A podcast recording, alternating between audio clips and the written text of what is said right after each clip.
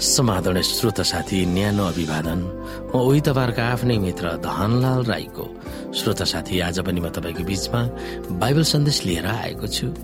आजको बाइबल सन्देशको शीर्षक रहेको छ जुन प्राणीले पाप गर्छ त्यो प्राणी मर्नेछ।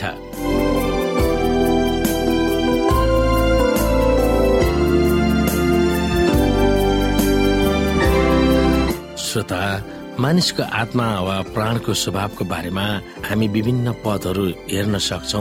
हामीलाई ती पदहरूले के बुझाउँछ? आउनुहोस् हामी हेरौँ। इजिकियल अठार अध्यायको चार र बिस। त्यो प्राण जसले पाप गर्छ त्यही मर्छ। छोराले बाबुको दोषको फल भोग्ने छैन न त बाबुले छोराको दोषको फल भोग्नेछ। धर्मीले आफ्नो धार्मिकताको फल र दुष्टले आफ्नो दुष्टाइको फल पाउनेछ। यो प्राण जसले पाप गर्छ त्यही मर्छ। छोराले बाबुको दोषको फल भोग्ने छैन न त बाबुले छोराको दोषको फल भोग्नेछ। धर्मीले आफ्नो धार्मिकताको फल र दुष्टले आफ्नो दुष्टाइको फल पाउनेछ। हामीले हेऱ्यौँ जिकेल अठार अध्यायलाई। र तिनीहरूसँग नडराओ जसले शरीरलाई मार्छन् तर आत्मालाई मार्न सक्दैन। बरु आत्मा र शरीर दुवैलाई नरकमा नाश गर्न सक्नेसँग डराओ। मती दश अध्यायको अठाइस यस संसारमा मानव जीवन कमजोर र छेडिक छ। पापको कुनै पनि दाग अनन्तसम्म हुँदैन। एकजना मानिसद्वारा संसारमा पाप आयो र पापबाट मृत्यु।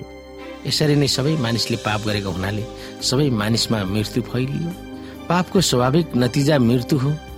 यो मृत्युले यस संसारमा सबै प्राणीहरूलाई असर पारिरहेको छ। यस विषयमा बाइबलको दुई महत्वपूर्ण धारणाहरू छन्। दुवै मानव प्राणी र जन्तु जनावर मर्छन्। यस मामिलामा राजा सोलोमनले आफ्नो भनाइ यसरी राख्दछन्।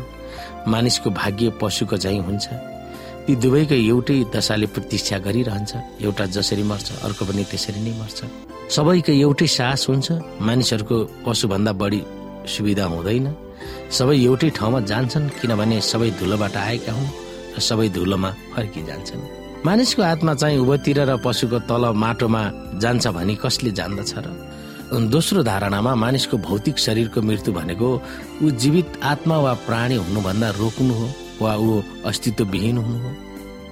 हिब्रू भाषा नै फेस भनिन्छ यदि आदम र हब्बाले निषेधित फल र खराबको ज्ञान दिने फल खाएर पाप गर्यो भने तिनीहरू मर्नेछ। यही चेतावनीलाई परमप्रभुले इजिकेल अठार अध्यायको बिचमा दोहोऱ्याउनुहुन्छ। जुन प्राणीले पाप गर्छ त्यो प्राणी मर्नेछ यस कथनमा दुई मूल अर्थ लाग्दछ। हामी सबै मानव जाति पापी भएको कारणले हामी सबै हटाउन नसकिने बुढेसकाल र मृत्युको बक्समा छौँ। अर्को अर्थ चाहिँ मानिस अमर छ भन्ने लोकप्रिय धारणालाई बाइबलले सरासर काट्दछन्। यदि आत्मा वा प्राण अमर छ र मरेपछि अरू कुनै रूपमा छ भन्ने धारणालाई मान्यौँ भने हामी मर्दैनौँ भन्ने अर्थ लाग्छ। त्यसको विपरीत मानिस मरेपछि ऊ कुनै न कुनै रूपमा पुनर्जन्म हुन्छ स्वर्ग अनुमानित पिसाद क्षेत्र र नरकमा जान्छ। ऊ बिना शरीरमा हुन्छ भन्ने विभिन्न दर्शनवाद र धर्म कतिपय इसाई धर्मले नै किन नहोस् यसको शिक्षामा बाइबल पूर्ण रूपमा सहमत छैन। बरु जो यसोमा मर्छन् यसुको आगमनमा उसको भौतिक रूपमै पुनरुत्थान हुन्छ भनेर बाइबलले ठोकुवा गर्दछ। यसुले जीवनको रोटीको बारेमा प्रवचन दिँदै भन्नुभएको थियो पुत्रलाई हेर्ने र उसमाथि विश्वास गर्ने प्रत्येकले अनन्त जीवन प्राप्त गर्नेछ र म त्यसलाई अनन्तको दिनमा जीवित पार्नेछु। यो छ अध्यायको चालिसमा यसुको पहिलो आगमन नै दोस्रो आगमनको जमानत किन हो?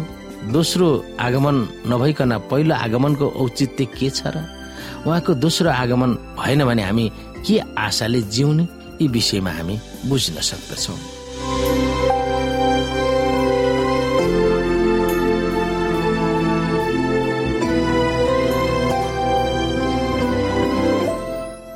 श्रोता साथी आजको लागि बाइबल सन्देश यति नै। हस्त नमस्ते जय मसिंह।